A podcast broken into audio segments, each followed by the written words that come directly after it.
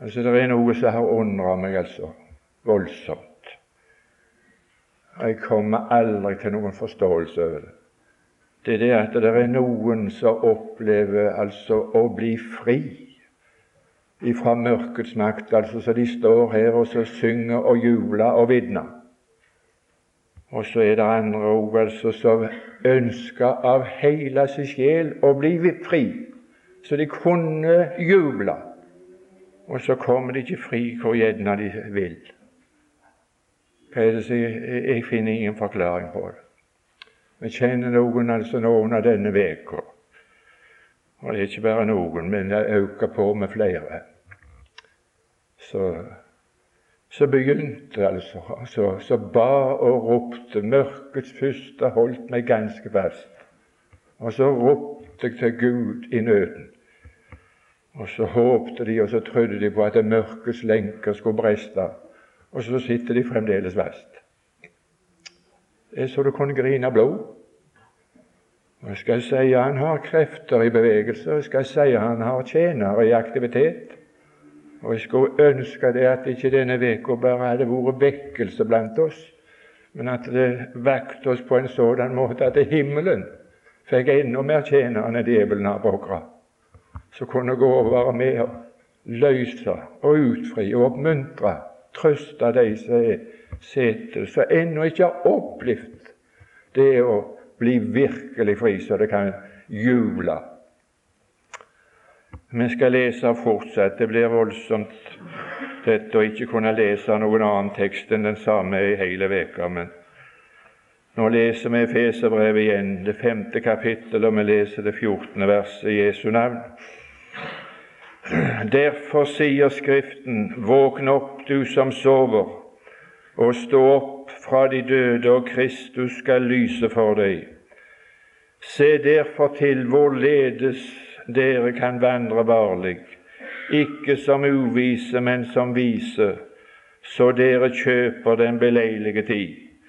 Kapittel 6 og vers 10. For øvrig bli sterke i Herren og i Hans veldes kraft. Ikle eder Guds fulle rustning, så dere kan stå eder mot djevelens listige angrep, for vi har ikke kamp imot blod og kjøtt, men mot makter, mot myndigheter, mot verdens herrer i dette mørket, mot ondskapens ånde her i himmelrommet. Herre Jesus, vi takker for en ny anledning å samles i ditt dyrebare navn. Å, Herre Jesus, vi har så mange sanger som jeg er glad i. Aldri jeg visste Guds levende ord eide en makt og en kraft så stor. Det ble min legedom, og det ble min fred. Det la meg trøstet ved Frelserens bryst. Sånne guddommelige under er det vi vil få lov å be deg om, Herre Jesus.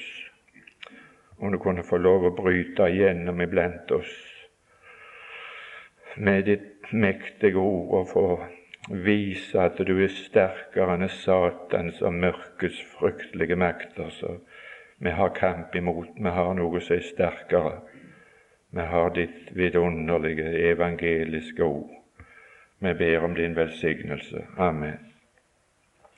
Etter alt det vi har vært samla om, så er, det, så er det det som nevnte i går, så er det som står igjen, og det er det ordet som jeg leste i det femtende verset av Efeserbrevet 5. Det er vårledes, Hvorledes. Det er det store spørsmålet. Hvorledes skal jeg kjøpe den beleilige tid? Hvorledes skal jeg kunne vandre varlig? Hvorledes og det, er det som vi får svar på i det sjette kapittelet, altså at det er bare ett eneste svar på hvorledes. Det er å bli sterke i Herren og i Hans veldes kraft. Det er fryktelige krefter. Det vil jeg gjenta. Det er fryktelige krefter mørkets makter har til å holde fast på menneskene.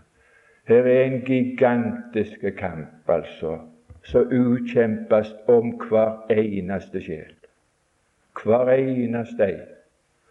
Mørkets makt, og så Kristi veldeskraft og makt. Og det som har iallfall gleda mitt hjerte med å bli kjent i Guds ord, det er at evangeliet er ei sterkere makt enn alle helvetes makter. Evangeliet er en Guds kraft til frelse for hver den som tror. Og sannelig meg skal det krefter til for å rive et menneske ut bokra i dag. Fra de krefter som holder det. Jeg må bare innrømme det altså at jeg i dag har fått et nytt varsel om at det, det er ikke så godt stell som det har vært. Så jeg er ikke helt sikker på om jeg, om jeg klarer hele møtet. Det, det blir så vondt. Men jeg skal gjøre det jeg kan. I går så leste vi om evangeliet, om, det, om Kristi veldes kraft, som er til vår disposisjon. Vi skulle bli sterke i Hans veldes kraft, og at den kraften sammenligner med den kraften som ei mor har til å trøste sine barn. Det er velsigna kraft. Det er ei kraft som som minner om allmaktens kraft, som er i stand til å bringe et rebelskt spedbarn til ro ved mors bryst. Du verden for ei makt. Og for ei makt som evangeliet har, og som Gud har, så ligner seg med ei mor. Like som en mor trøster sitt barn ved sitt bryst, Således ville jeg gjerne trøste eder. Du verden. Det andre som, som djevelen bruker, det er ikke bare makt til å føre mennesker ut i all slags trengsler, for det har han makt til.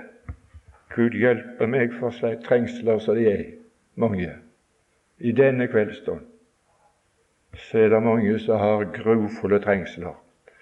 Men så har djevelen ei fryktelig makt for den og overfor de som har vært på sine knær, og så bødde seg og anropte himmelens Gud, altså, om, om, om, å, om å hjelpe dem, redde dem, befri dem ut ifra mørkets makt.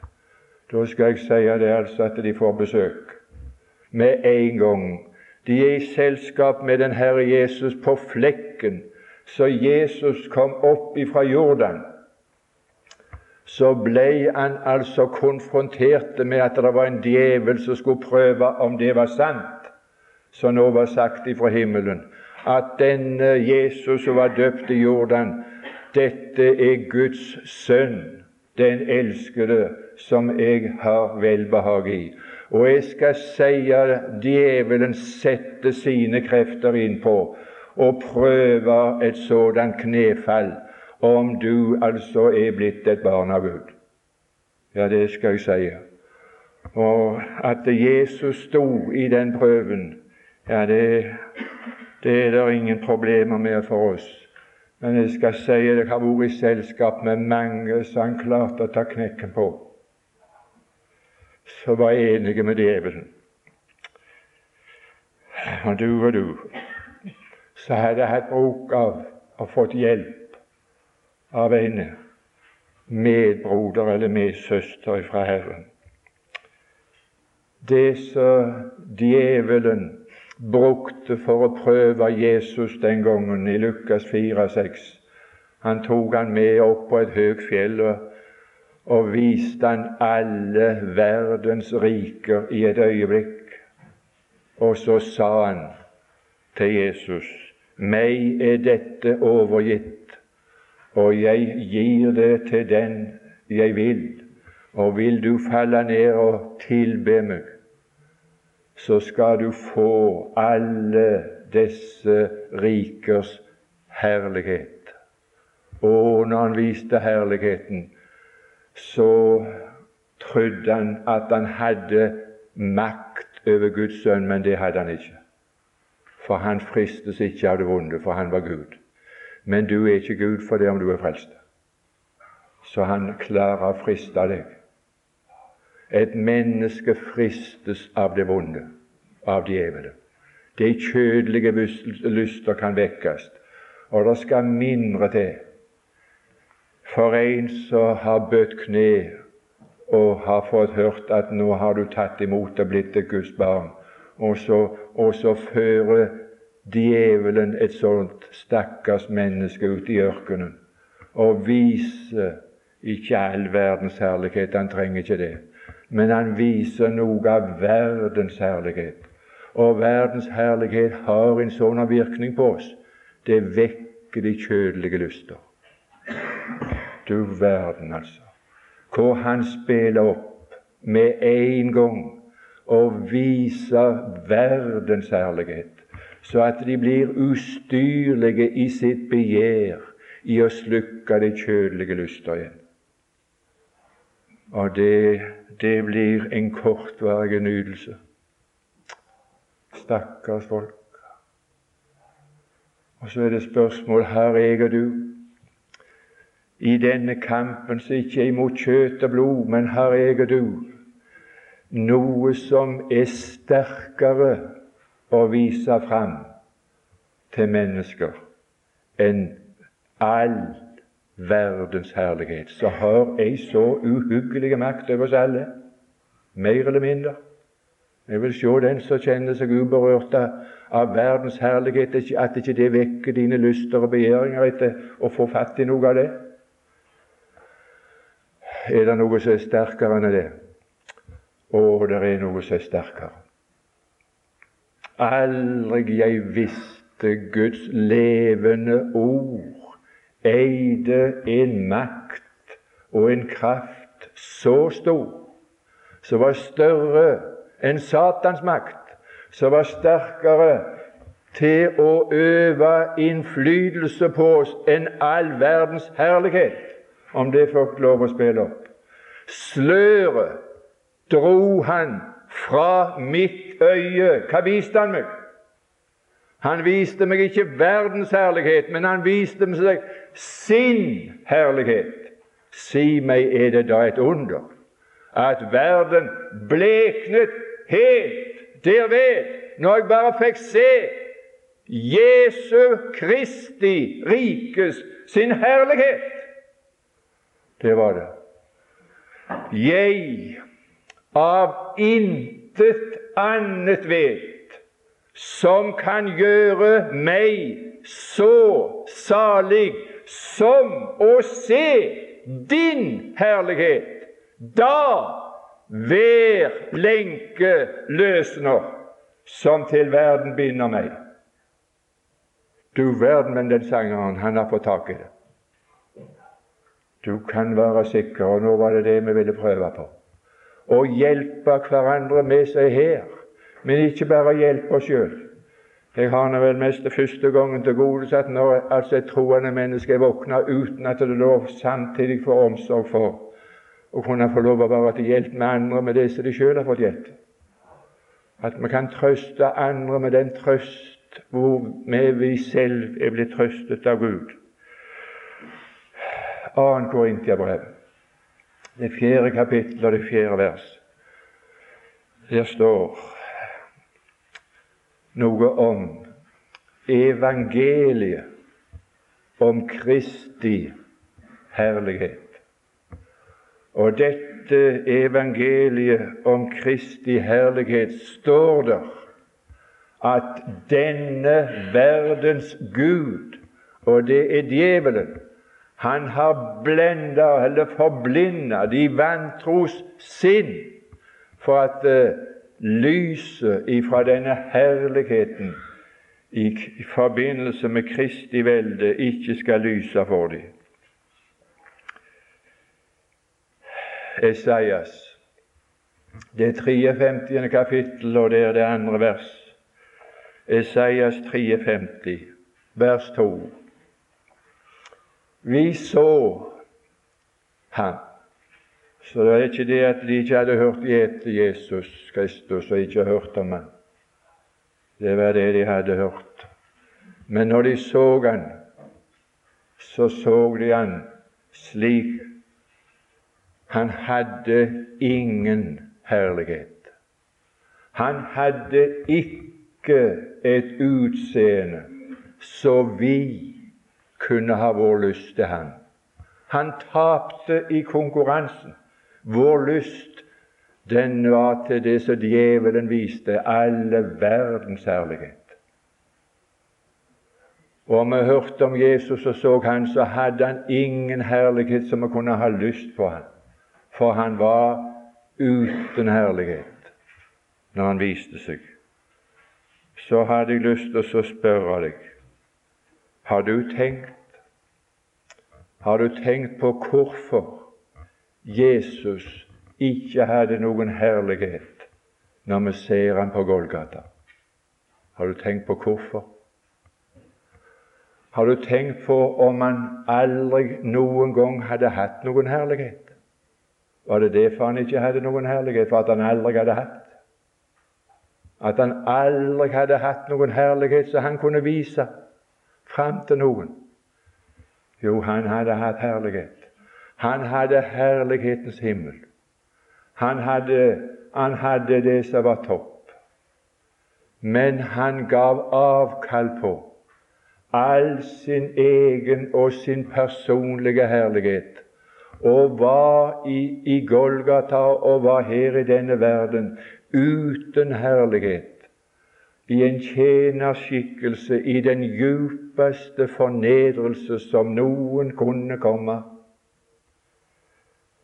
Der står i Bibelen at der du ser han, så var han under forbannelse, for, for forbannet er hver den som henger på et tre. Jeg skal fortelle deg djevelen har ingenting imot at du ser Jesus på den måten at du ser Jesus på korset under forbannelse, og at han er der altså uten herlighet og uten noe som gir lyst. Det gir avsky. Folk venter seg ifra han. Det er slik djevelen er interessert i at folk skal ha et bilde av han. Jeg har lyst til å spørre et spørsmål til før jeg leser videre. Har du tenkt på hvorfor han ikke hadde herlighet akkurat der og da, når han hadde hatt det før. Svaret og forandringen i ethvert enkelt menneske, det kommer i det andre vers der i profetene sies. Det kommer i, i denne plutselige forandringen så brytes det ut i det fjerde vers Sannelig, våre synder har han tatt på seg. Det er derfor han er uten herlighet. Han er såret, han er knust. Straffen rammet ham for vår skyld. Det var for min skyld. Det er derfor han var uten herlighet. Du store makel for en forandring. Det er herlighet så Kristus vil vise deg at han gav avkall på sin egen herlighet for at han skulle kunne vinne en evig herlighet til deg og meg. Han som var rike. Vi kjenner 2. Korintiabrev, det åttende kapittel og det niende vers. Vi kjenner vår Herre Jesu Kristi nåde. Jeg skulle ønske det var alminnelig kjent at han som var rik og var i herlighet, han gav avkall på det, og så ble han fattig, så fattig at han hang på forbannelsens tre, for at vi ved hans fattigdom skulle bli rike. Noen annen måte å gjøre oss rike på og bringe oss til herlighet på. Det kunne Gud i sin visdom ikke tenke ut og finne på. Det var bare én måte. Han måtte gi avkall på sin egen herlighet. Og så måtte han komme her ikke å herske, men for å tjene oss, og så tjene oss på den måten som vi trengte mest og best, at han kunne dø i vårt sted for å kunne føre oss til en evig herlighet. Jeg er ikke i stand til å si mer om det. Jeg kan bare sitere noen sangere som har fått gitt uttrykk for det, mye bedre enn jeg er i stand til det. Det var, det var kjærlighet, brennende, herlig og stor, som brakte meg frelser til deg. Jeg kom, og du støtte meg slett ikke bort. Du frelste en synder som meg. Jeg så sannelig når du var uten herlighet, Jesus, så har jeg aldri sett deg herligere, for da var du der for oss å bringe meg til herlighet. Du verden for en person. Da forandres hele innstillingen. Ja, ja, kun en sang i sangboka vår, du verden hvor god han er. Hvor god, hvor varm om hjertet han blir når han bare synger de gamle vekkelsessangene som en begynte å lære når jeg var ganske unge. Kun et skritt, kun et skritt ifra verden til Gud. Og så står det et vers. Kun et blikk, kun et blikk ifra smertenes mann. Kun et blikk til din sjel i din synd og din skam. Å, så du det blikk ifra ham så var det bare for å bringe deg til herlighet? Og så du det blikk ifra ham? For en herlighet han brakte på den måten. Kunnskapen om Kristi herlighet.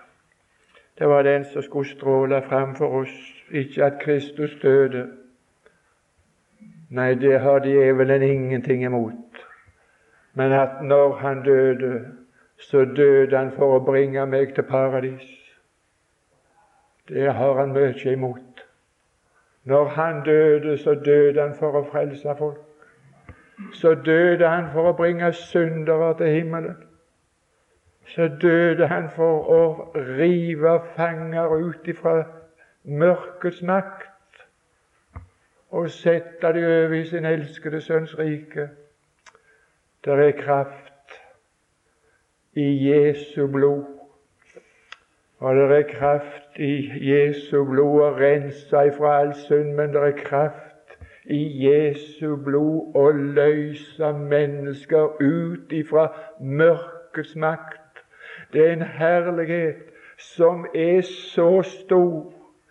Jeg av intet annet vet som kan gjøre meg så salig som å se din herlighet.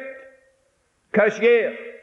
Da hver lenke stille løsner. Det taper sin makt, som til verden binder meg. Jeg blir fri, for det er en herlighet som har sterkere innflytelse enn alle verdens herligheter som kan vekke lyster. Jesu evangeliet om Jesu Kristi herlighet. Sløret dro han fra mitt øye, viste meg sin herlighet. Si meg, er det da et under at verden bleknet helt derved. Det blir noe å sammenligne med. Det var noe som var sterkere enn Satans makt. Det var noe som var sterkere enn en verdens herlighet. Det er noe som er sterkere enn syndens makt. Det er noe som er sterkere, som vi er opptatt med på bedehuset, enn det de har å friste med på Divi og på Maritzo og hvor som helst. Vi har noe som er sterkere, jeg av intet annet vet, som kan gjøre meg, og som kan gjøre deg, så salig som å se Jesu herlighet. Det er den du må få se. Det er den djevelen vil holde skjult for deg. Å høre om Jesus, det har han ingenting imot. Men at du skal få lære Jesu herlighet å kjenne, og den kraften der er i denne herlighet til å løse deg ifra verdens lyst og ifra djevelens makt og ifra alt det som binder et menneske i kjødelige lyster, i øynenes lyst og i storaktighet i levnet og alt som har snakket om. Aldri jeg visste. Guds levende ord eide en makt og en kraft så stor. Det ble min legedom. Det ble min fred. Det la meg trøstet ved Frelserens bryst. Å, du store. Jeg hadde så håp på, tro på, at noen av disse skulle komme og møte meg. Hvordan skal jeg gjøre det, vet jeg ikke. Jeg blir nødt til å prøve å gå på huset til. Det er ikke noe annet. De har ikke mot til å komme her. Så er det en annen stikk motsatt situasjon. Jeg skal si han har, han har forskjellige krefter å spille på, denne, disse makter og myndigheter som vi har å kjempe imot. Det er ei fin troende jente som ringer på telefon. Hun har levd med Gud ifra hun var ganske ung og liten. Aldri kjenner til noen radikal omvendelse. Ikke kan hun vitne om at jeg, at jeg er reven ut på den måten som andre. Og Så kommer hun i det ytterste mørket. Der er kommet noen noen av disse demoniske åndsmakter som jeg og du har å kjempe med, ondskapens ånde her, som ikke beholder seg i himmelrommet, men slår ned ved den minste anledning de får kjangs, og forstyrrer tankegangen til, til de som har sagt ja og vil høre Herren til. Det er det eneste de vil. Og så kommer han og forstyrrer det. Du må aldri innbille deg altså at du kan høre Gud til sånn som du er. Det er ikke rett med deg. Jeg skal ikke skildre noe. Men du verden, han kan ta og gjøre nervene dårlige og tynnslitne på en ungdom. En av de fineste ungdommene. Ja, det kan han. Det er noe som er lest om det første møtet av disse, den ånd som er virksom i tida, som jeg og du har kamp imot. Ei ånd som heter mismodets ånd Du kan bare gi opp. Og det er mange som gir opp som ikke får hjelp. Hva tror du vi er her for? Vi er her for å hjelpe hverandre. Tenk om vi i våre forsamlinger kunne få lov å fungere slik at den ene hjelper den andre. Det er ingen som er i stand til å hjelpe seg sjøl. Jeg har en illustrasjon i mitt eget legeme hver dag. Det er ikke ei hånd som kan hjelpe seg sjøl. Vi er hverandres lemmer. Vi er avhengige av at den ene hjelper den andre. Du er ikke bedre, du, samme hvem du er. Du kan altså ikke fungere alene. Du må fungere i samfunn med de hellige, og at de hellige fungerer. At de er våken og kjøper den beleilige tid og er med og gir akt på en annen, så at vi oppflammer hverandre, oppmuntrer hverandre så at djevelen ikke skal få noen til å gi opp. Jeg skal lese til slutt hvorledes Jesus døde. En herlighet som djevelen har interesse av å holde skjult. Hebreerbrevet, det andre kapittel, og der står det i det niende vers Når Jesus led døden har du, har du da gitt akt? Har du sett hvorledes Jesus led døden? Led han døden i vanære? Han var korsfesta i vanære. Så lenge det var lyst før klokka tolv så var han korsfesta i vanære. Og alle som så han, så han i vanære. Men så ble det plutselig mørkt, så blenda Gud, og så var det ingen som så noe mer av Jesu vanære. Aldri et øye så noe mer. Det som skjedde i de tre mørke timene på Golgata, det var at der ble han som ikke visste av synd, han ble gjort til synd for oss, til syndoffer. Og i de tre mørke timene så sonet han verdens synd. Så når de tre timene var forbi, så kom der et rop. Og det ropet som kom på korset, det var 'Det er fullbrakt'. Hva var det som var fullbrakt? Verdens synd var utsont, var tatt bort. Det var det som var fullbrakt. Resultatet av det Ja, du store mirakel. I Esaias 53 så står det der i det åttende vers at ved trengsel og ved dom ble han rydda ut. Han ble dømt til korsfestelsesdød.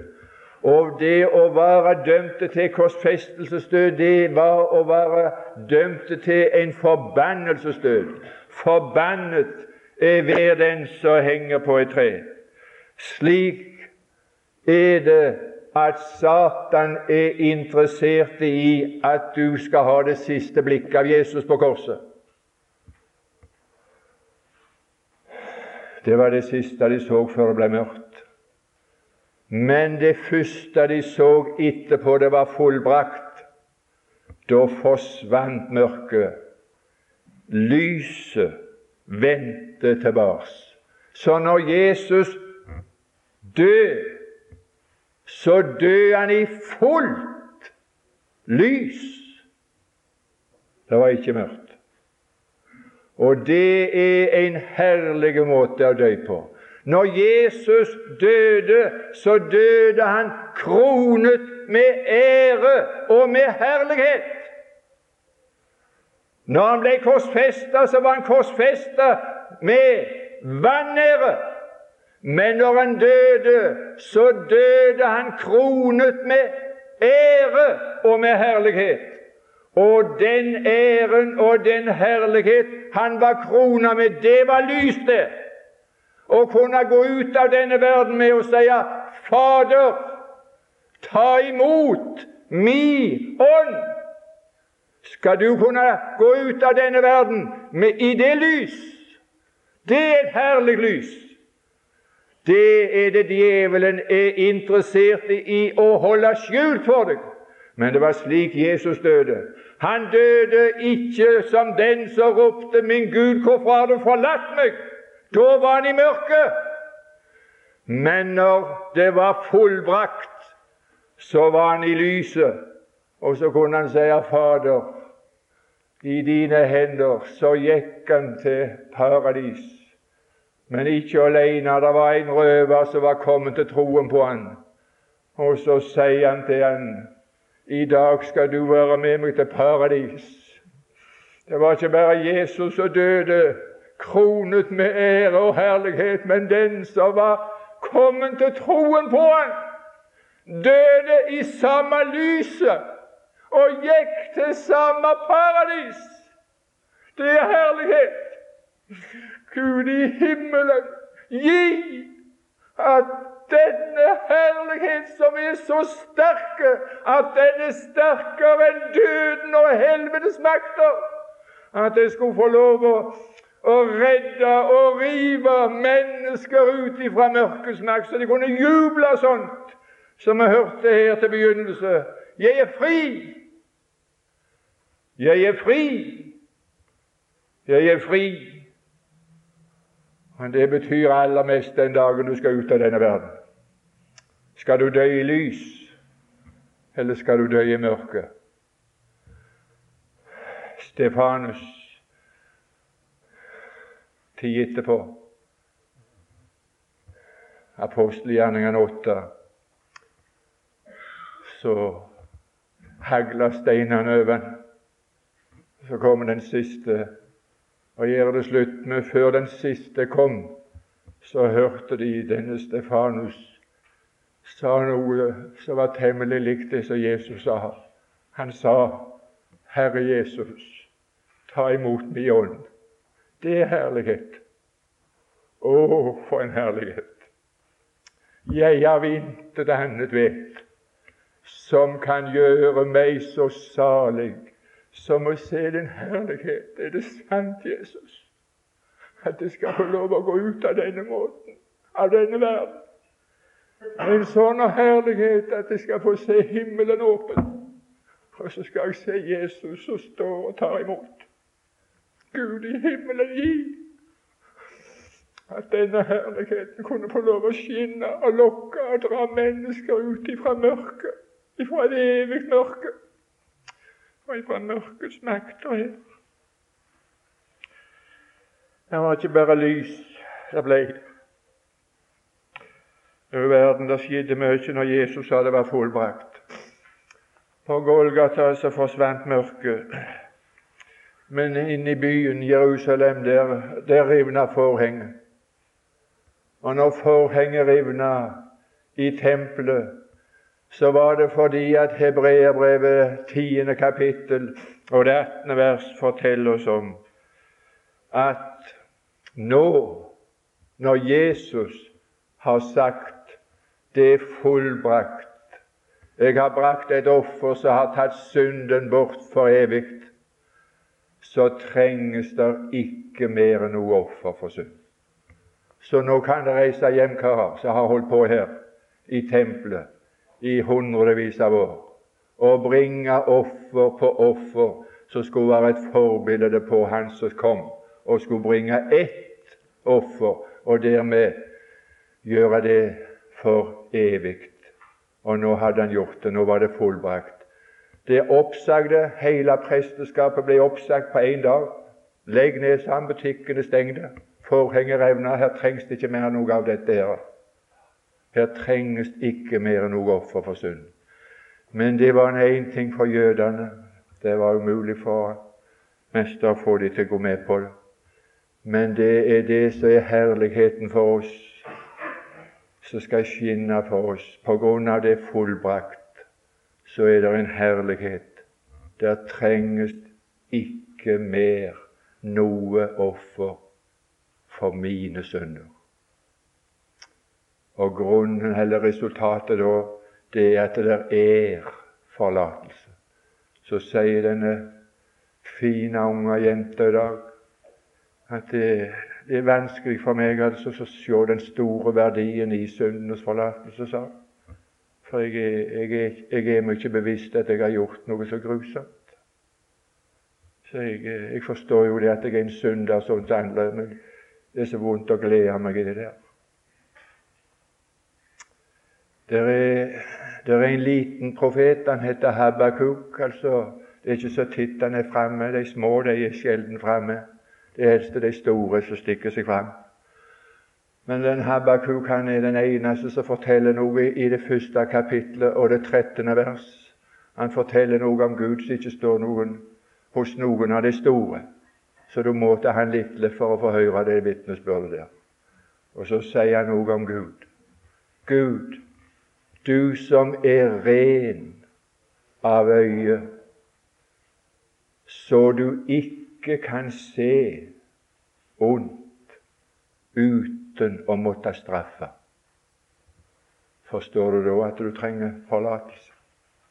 Du har med en Gud som er så ren av øye at han ikke kan se et fnugg av vondt uten at han er nødt til å straffe.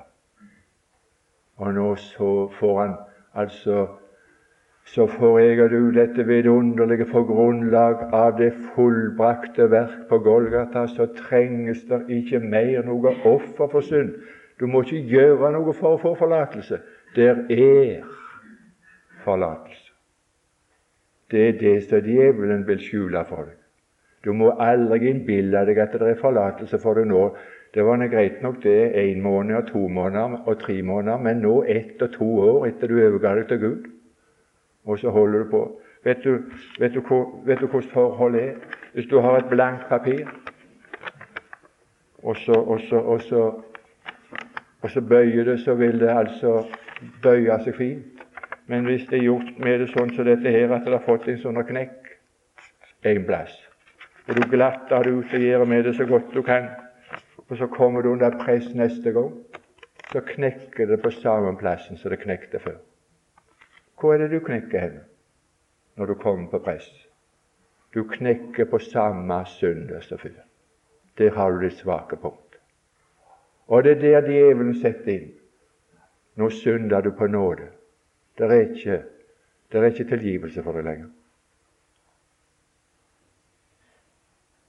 Det trenges ikke mer enn noe offer for synd, og resultatet av det at det er forlatelse. Vil du huske det? Jeg av intet annet vet som kan gjøre meg så salig som å se din herlighet. Og den herligheten består i at når han sa 'fullbrakt', så er der forlatelse i dag for meg. Der er. Om det er mye eller lite, i hans øyne så er han så ren at han kan ikke se på litt engang. Jeg må ha forlatelse for alt. Og nå er det forlatelse for alt. Der er kraft i Jesu blod.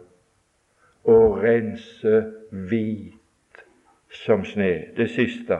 Skjer det der mer? Ja, dette som jeg leser nå, det står i Matteus 27, altså. Og det er det 51. vers. Når han ropte det var fullbrakt, så kom lyset tilbake så revna forhenget i tempelet. Det var det andre. Og det tredje som skjedde, det var at klippene revna. For nå var døden beseira. Og resultatet av at klippene revna og døden var beseira, det var at mange av de helliges hensovedes legemer, de sto opp når Jesus hadde ropt det var fullbrakt. Men de gikk ikke ut av gravene før etter hans oppstandelse hadde det vært sånne graver som vi har, så hadde ikke det kunnet gi. For vi grev de ned i jord. Men de begravde sine i huller i fjellet, og så setter de altså en stein før. Og så når Jesus ropte det var fullbrakt, så var det mange av de helliges legemer som sto opp, og så satt de der inne i gravene og venta. For altså, de kunne ikke gå ut av gravene før etter hans oppstandelse, for han skulle være den første. Men når Jesus var stående opp på første påskedag, så gikk denne flokken av helliges, hensovedes legemer som var stått opp, så gikk de på byen i Jerusalem og viste seg for mange. Jeg vet ikke hva du hadde syntes om det hadde kommet en sånn flokk her på Åkra som hadde vist seg for oss, av sånne hellige som hadde gått her i bedehuset som var død for mangfoldige år siden, og plutselig så kom de tilbake. Dette er ikke eventyr.